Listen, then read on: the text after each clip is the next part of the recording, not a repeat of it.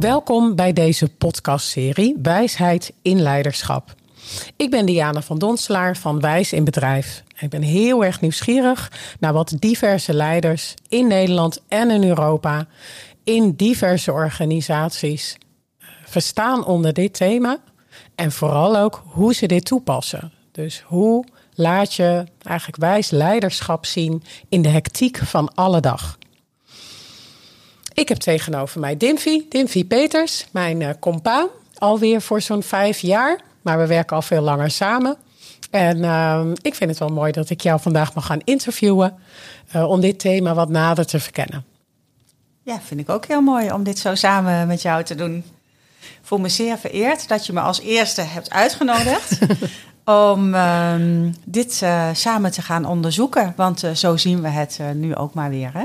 Ja. Um, nou, mijn naam is dus Dimfy Peters, ook van Wijs in Bedrijf. middels zo'n 25 jaar werkzaam in ontwikkeling van organisaties en mensen in leiderschap.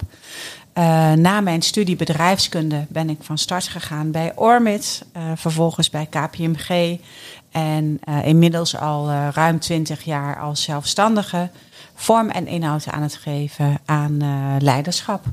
Ik doe dat in verschillende rollen. de ene keer in de lijn als interim manager, de andere keer als begeleider van het proces, als procesbegeleider of als individuele coach. En waar ben je nu werkzaam? Momenteel ben ik interim directeur van een MBO-school. Dus en, uh, absoluut een dynamische en uh, wervelende context. Ja, ja, dus dat wou ik even checken. Hè? Wel dat ja. we het uh, thema inderdaad toepassen op hectiek. Ja. Um, ja, dus de eerste vraag, de startvraag is: wat versta je eronder? Wijsheid in leiderschap. Wijsheid gaat voor mij echt over de juiste dingen doen. En de juiste dingen doen, dat lukt in mijn beleving zodra je in verbinding bent. In verbinding met het hogere doel, met jezelf en met elkaar. Dus als je die drie eenheid te pakken weet te krijgen, um, dan lukt het om verschil te maken, om echt zaken in beweging te krijgen. En uh, nou ja, dat is mijn visie op wat wijsheid in leiderschap is. En um, nog dagelijks leer ik daarin om daar uh, de juiste dingen in te doen. Ja. En je zegt inderdaad de juiste dingen doen, verschil maken. Kun je iets schetsen over uh, wat het inderdaad oplevert? Dus wat versta je dan onder verschil maken? Ja, verschil maken zit hem voor mij in kleine dingen en in grote dingen. Uh, verschil maken in het klein gaat over uh, met een team iets willen realiseren en daarvoor uh, een bijeenkomst of een vergadering vormgeven. En ehm, dat de deelnemers uit die vergadering met een bevlogen, enthousiast, energiek gevoel de vergadering verlaten. Dus dat iedereen ervoor wil gaan, met meer energie de vergadering uitgaat dan dat hij erin kwam. Dus dat is in het klein. Maar daarmee creëer je natuurlijk al de grotere impact. Want mensen gaan met meer enthousiasme aan de slag. Um, en verschil maken in het groot gaat hem er voor mij over um, dat je de juiste keuzes maakt. Dus dat je kiest voor iets wat duurzaam um, impact heeft, iets wat duurzaam betekenis heeft, boven op wat wellicht op korte termijn voor jezelf goed is. En dus die fundamentele keuzes maken, dat vind ik dan verschil maken in het groot. En wat brengt dat? Dus wat brengt dat jou, de organisatie, om veel meer vanuit dat streven te werken? Um, het brengt mij dat ik iedere dag uh, mijn wekker zet om um, uh, de bijdrage te gaan leveren die ik graag wil leveren. Dus het is voor mij echt uh, de bron van energie van waaruit ik mijn werk vormgeef. Dus dat ik aan het eind van de dag met het gevoel naar huis kan gaan. Um, ik heb mijn uiterste best gedaan om de wereld een beetje mooier te maken. En um, zeker wanneer ik dan een aantal momenten kan adresseren dat dat ook gelukt lijkt te zijn. Uh, ja, uh, maakt me dat een blij mens. Um, dus ja, dat is voor mij een Mooi. hele belangrijke drijfveer. Ja. Ja, mooi. Dus die klinkt Ja. wel als recht uit het hart. Ja. Eh, je zegt volgens mij iets over verbinden Ja. met jezelf, met de anderen en met het geheel. Hoor ik, hoorde ik het goed? Ja, klopt. Ehm, hoe doe je dat? Dus hoe dan? Ja, Eh, op verschillende manieren. Ehm, wat eh, voor mij, ik, ik, ik ben, ken mezelf als een persoon die nogal vanuit ratio handelt. En ehm, ik merk dat als ik eh, mijn ratio gebruik, maar daarnaast ook gebruik maak van meer ja, fysieke of emotionele wijsheid, ehm, dat ik tot andere eh, inzichten kom. Eh, bijvoorbeeld in een gesprek. Wanneer ik puur vanuit mijn ratio in gesprek ben, dan ehm, beschouw ik de verschillende argumenten, eh, de verschillende invalshoeken vanuit ja, wat kan, wat niet kan, wat eh, noodzakelijk is. Ehm, en als ik in dat gesprek ook eh, contact weet te maken met mijn fysieke of emotionele lichaam, dan word ik me gewaar van andere zaken. Dus bijvoorbeeld wanneer ik in gesprek ben en ja, het leidt nergens toe. Dus ik heb niet het gevoel dat we het over eh, de kern hebben van waar we het over moeten hebben, of het echte onderwerp.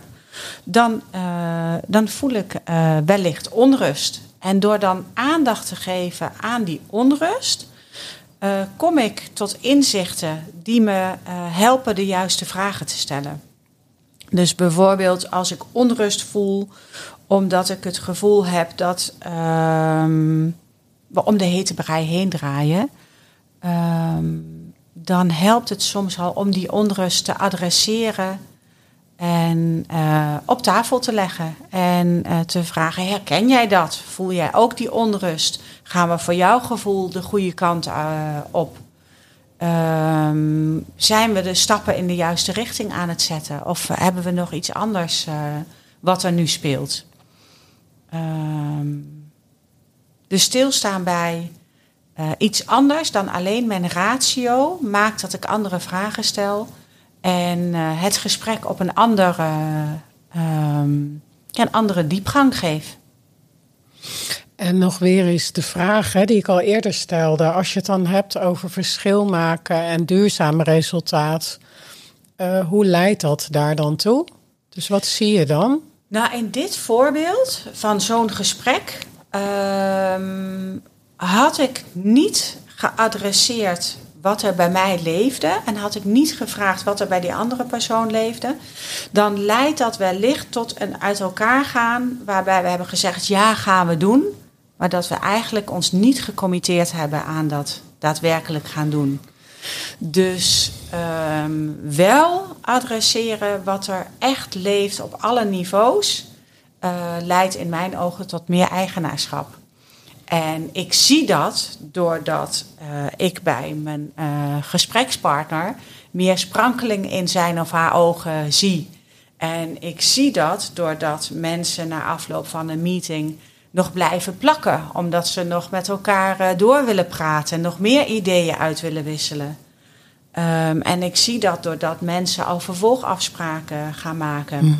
En ik voel het bij mezelf, want ik voel dat ik er energie eh, voor voel, dat ik er zin in heb om het eh, verder vorm te geven.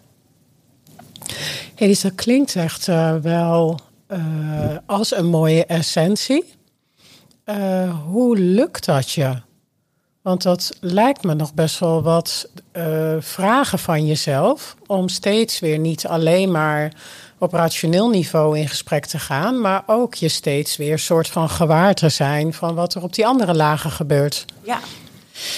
Ja, dus wat ik doe is eh, door de tijd heen verschillende momenten van eh, bewust, bewustzijn in te brengen. En ook dat doe ik in het klein en in het groot. Ehm, dus in een gesprek, als ik eh, merk dat ik wat afdwaal, dus dat mijn gedachten ergens anders heen gaan dan eh, waar mijn gesprekspartner het over heeft. Dat is voor mij al een signaal om te landen in dat fysieke of emotionele bewustzijn. En ik doe dat door direct mijn aandacht te brengen naar hoe ik zit of hoe ik sta. Dus aandacht naar mijn voeten, naar mijn lichaam als geheel. En dan voel ik hoe ik zit in de stoel, Ehm, hoe ik op het zitvlak zit, uh, hoe mijn rug uh, tegen de leuning zit of niet, hoe mijn voeten contact maken met de grond. En dan breng ik mijn aandacht naar mijn ademhaling. En dan voel ik direct, dus het lijkt een beweging die afgaat van het gesprek, maar dat is het niet. Dus doordat ik de aandacht naar binnen breng, voel ik direct meer scherpte in het gesprek. Dus ben ik juist meer in verbinding bij die ander. Juist door contact te maken met mezelf. En is dat iets van een minuut? Is dat seconden? Uh, is dat heel wisselend? Ja, dat, uh, dat is een kwestie van seconden. Um, en uh, dus dat is het voorbeeld van in het klein. Um, en in het groot neem ik daar wat meer de tijd voor. Dus uh, voordat ik de dag begin, um, doe ik uh, een aantal yoga-oefeningen met aandacht. Of uh, ga ik een half uurtje mediteren. Um, maar juist omdat ik de dag zo start, lukt me dat gedurende de dag makkelijker om in die kleine momenten weer uh, mijn aandacht naar het geheel te brengen. Ja, en de aandacht naar het geheel, daarmee zeg je eigenlijk, hoor ik het goed, dat je op meerdere lagen intunt. Precies, dus niet alleen vanuit de ratio, vanuit mijn hoofd, maar ook uh, de aandacht bij uh, hoe het nu met mij is, hoe het nu tussen jou en mij is. En of ik bezig ben met hetgeen wat er echt toe doet, met het grotere geheel. Ja. ja, want dan inderdaad nog even terug naar wijsheid in leiderschap. Zou je dan nog eens in uh, twee zinnen of in een paar woorden kunnen zeggen wat dan echt de essentie voor je is? Voor mij is wijsheid in leiderschap in verbinding zijn wat ertoe doet voor, uh, voor jou, voor mij en voor het grotere geheel. Ja, ja. En je zegt, en de sleutel daartoe is dat je niet alleen maar op de laag van ratio onderzoek doet bij jezelf, maar dat je dat ook op uh, emotioneel en fysiek niveau steeds doet. Precies, ja. En hoe werkt, werkt dat dan samen? Dus gaat de ratio dan helemaal uit? Nee, zeker niet. Nee, nee. Want um, kijk, juist de ratio. Um, de feiten, de uh, inzichten, uh, die zijn natuurlijk uh, reuze van belang. Ehm, dus ik geloof heel erg, ja, yin-yang, hè, in beide, beide aspecten van het geheel. Dus um, zowel de innerlijke wijsheid, ja, en ik zeg dan innerlijk, dat klinkt ook zo alsof het over mij gaat, hè. Uh, terwijl de innerlijke wijsheid gaat volgens mij juist over alle wijsheid uh, van de wereld om je heen. Uh, in combinatie met managementmodellen, met, um, nou ja, ja noem, het de, noem het misschien de meer westerse wijsheden, met de wat meer spirituele inzichten. Um, juist die combinatie leidt tot uh, mooie nieuwe inzichten. En dan zeg jij, dat is wel prachtig, dan zeg jij ook, dat kan ik op een dag, kan ik daar eigenlijk goed bij komen. Dan is het een kwestie van secondenwerk. Ja. En um, dat vraagt wel om op andere momenten meer tijd te pakken. Hoor ik het goed? Jij zegt dan in de ochtend doe ik wel wat vaker een half uur meditatie of yoga. Zodat ik door de dag heen veel makkelijker kan intunen op die verschillende lagen. Ja, klopt. Klopt.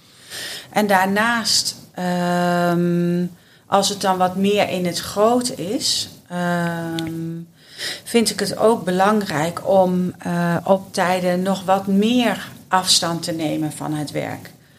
Um, dus in het onderwijs heb je al een natuurlijke cyclus hè, van een jaar wat begint en wat eindigt. En daartussen heb je de momenten van rust in de vakanties. En er zijn verschillende periodes met een begin en een eind. Dus dat nodigt al heel makkelijk uit tot cyclisch uh, werken. En um, vanuit een begin en een midden en een eind uh, vormgeven aan je werk. Dus ook uh, nu zitten we in een vakantie.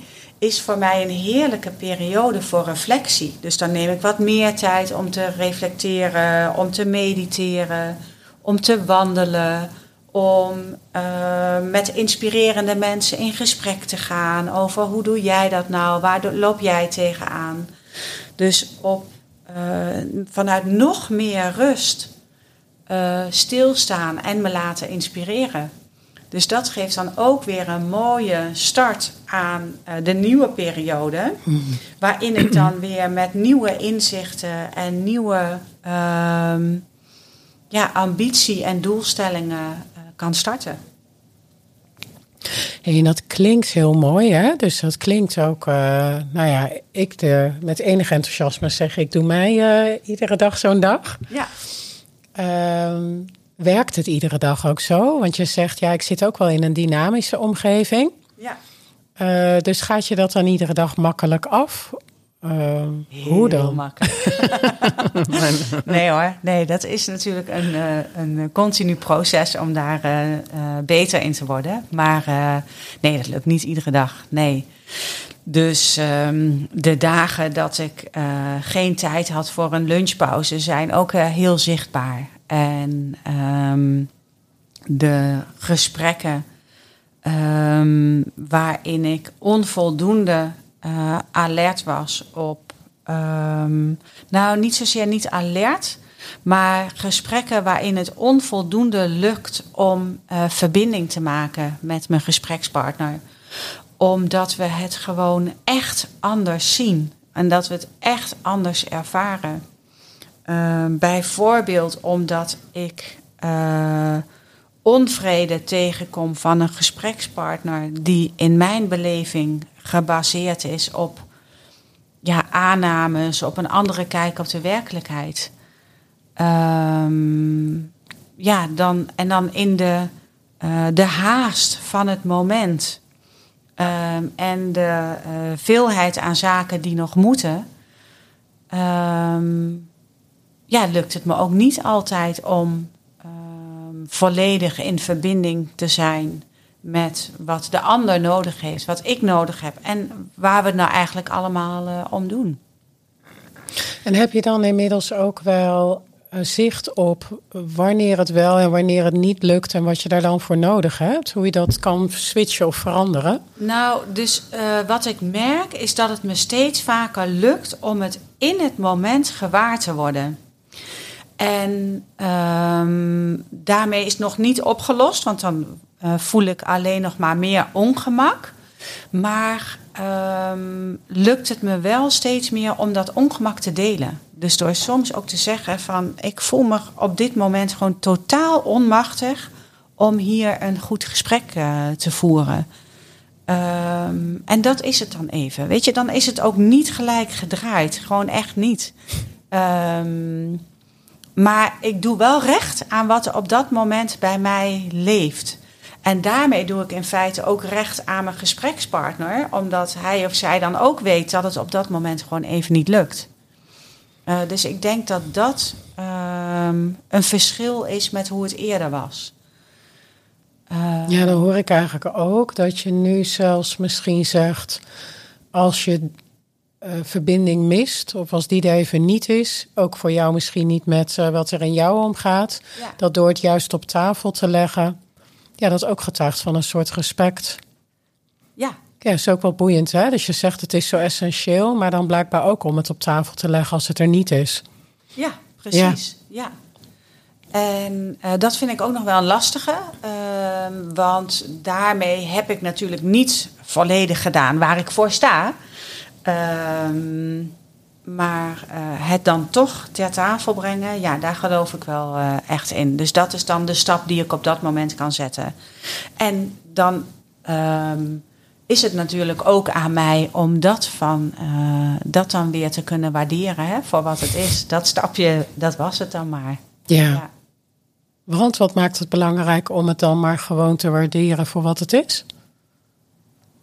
Omdat mij dat ook weer het vertrouwen geeft om dat in het vervolg ook weer zo te doen.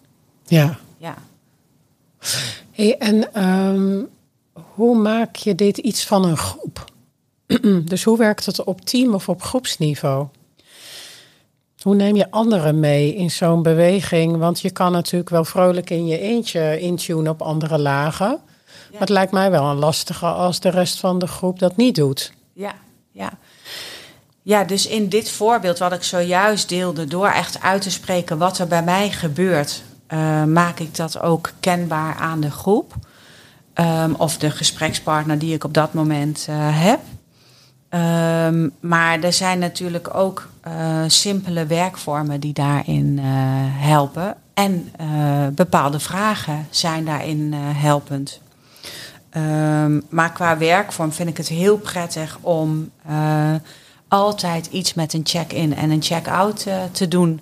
Waarin je vraagt um, in verschillende vormen. De ene keer meer creatief dan de andere keer. Ook afhankelijk van uh, hoeveel tijd uh, ik voel. Um, maar stilstaan bij um, wat doet er voor jou echt toe in deze bijeenkomst?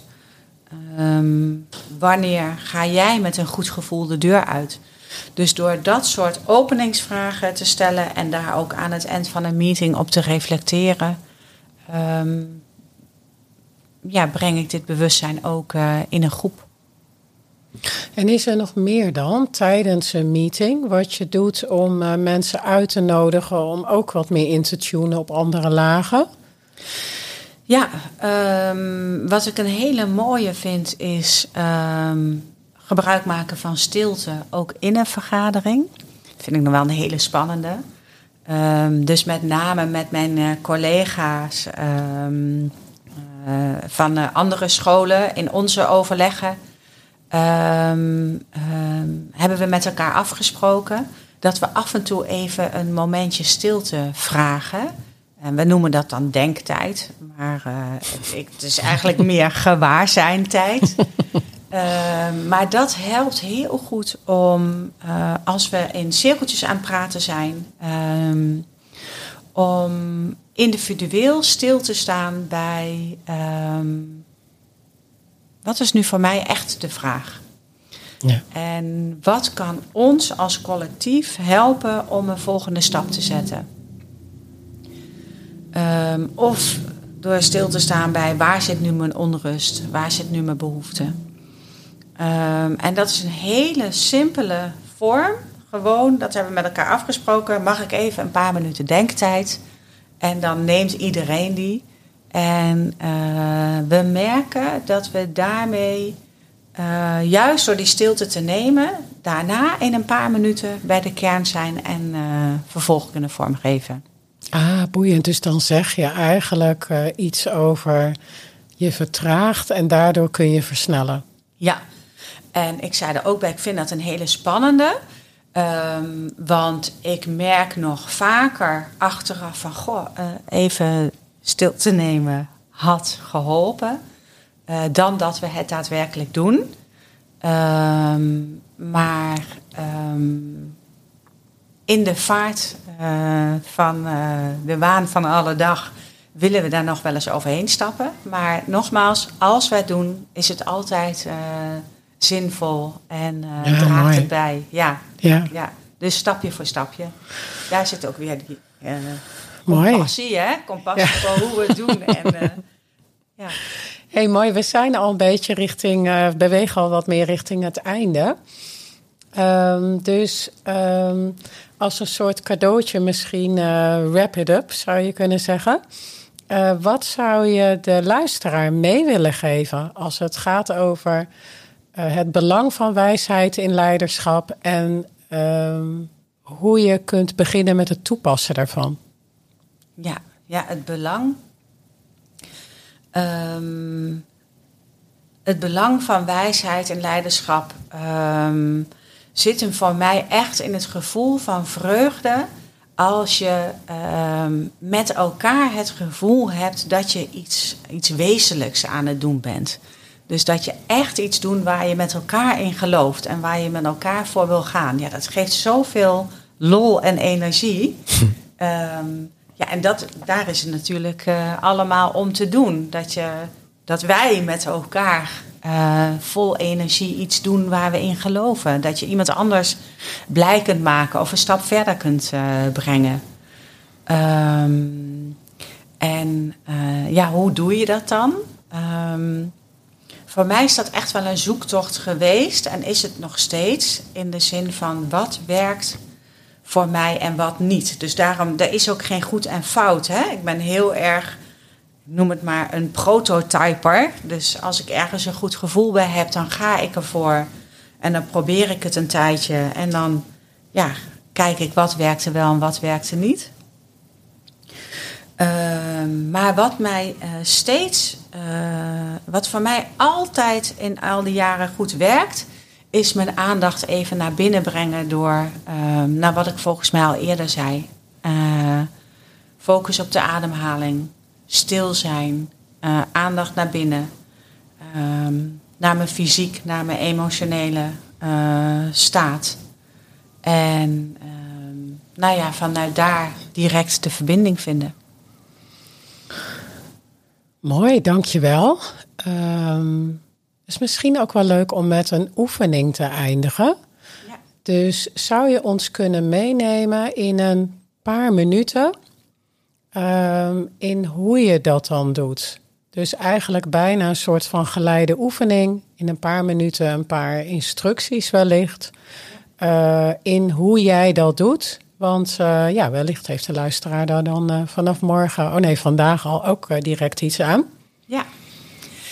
Ja, dan kies ik voor een iets uitgebreidere dan wat ik net toelichtte in aandacht um, naar je lijf brengen. Um, de innerlijke wijsheid oefening, die die drie eenheid die we nu een paar keer genoemd hebben, zo mooi bij elkaar brengt. Dus die drie eenheid van de ratio, maar ook het fysieke en het emotionele. En om dat te doen, neem ik jullie graag eh, even mee in de i-kracht. Um, en wat ik dan doe, is ik ga op een rustige manier zitten. Dus ik voel even hoe ik zit in mijn stoel. En uh, kijk dan op een plek iets voor mij. Dus mijn ogen half uh, gesloten of ik sluit ze helemaal, afhankelijk van de plek waarop ik ben. En dan uh, begin ik met een innerlijke glimlach. Dus ik glimlach niet echt, maar ik doe alsof ik, ik, ik, ik, denk aan een blije gedachte. En dan voel ik van binnen mijn mondhoekjes iets omhoog gaan. En mijn ogen worden zacht. En dan is er al een hele belangrijke stap gezet. En een zachter, zachter worden van de ogen. En die zachtheid van de ogen en die innerlijke glimlach, die neem ik dan mee naar mijn borststreek. Dus daar breng ik mijn aandacht naartoe. En dan laat ik vanuit mijn borst, vanuit mijn hart, dan denk ik aan iets moois, aan iets wat ik lief heb. En dan ontstaat er als vanzelf een mooie bloem. En die bloem die opent zich. En die warmte, die compassie vanuit mijn hart en mijn zachte ogen neem ik dan mee naar mijn buik. Naar mijn innerlijke kracht.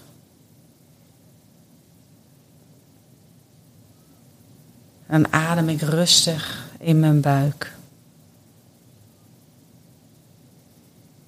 En zo heb ik dan in een hele korte tijd de drie eenheid verbonden van het mentale, het rationele. En de zachtheid die ik daarbij voel, gebracht naar mijn emotionele, mijn compassiegevoel vanuit mijn hart. En het fysiek vanuit het middelpunt van mijn lichaam. En dan adem ik daar rustig doorheen. Door alle drie. En dan breng ik mijn aandacht weer naar de omgeving om mij heen. De ruimte waar ik zit. Naar jou. Ben ik geland. En weer klaar voor de volgende bijeenkomst. Nou, mooi. Dus heel fijn dat je dit wilde delen. We gaan hem afronden. Ja. Dus uh, ik ga het IPMA heel hartelijk bedanken voor de productie van deze podcast. En uh, ik bedank jou natuurlijk ook. Ik heb genoten van het gesprek. Ik ook. Heel erg. Heel bedankt. En uh, op naar de volgende podcast. Op naar de volgende. Ik ben heel benieuwd naar de volgende.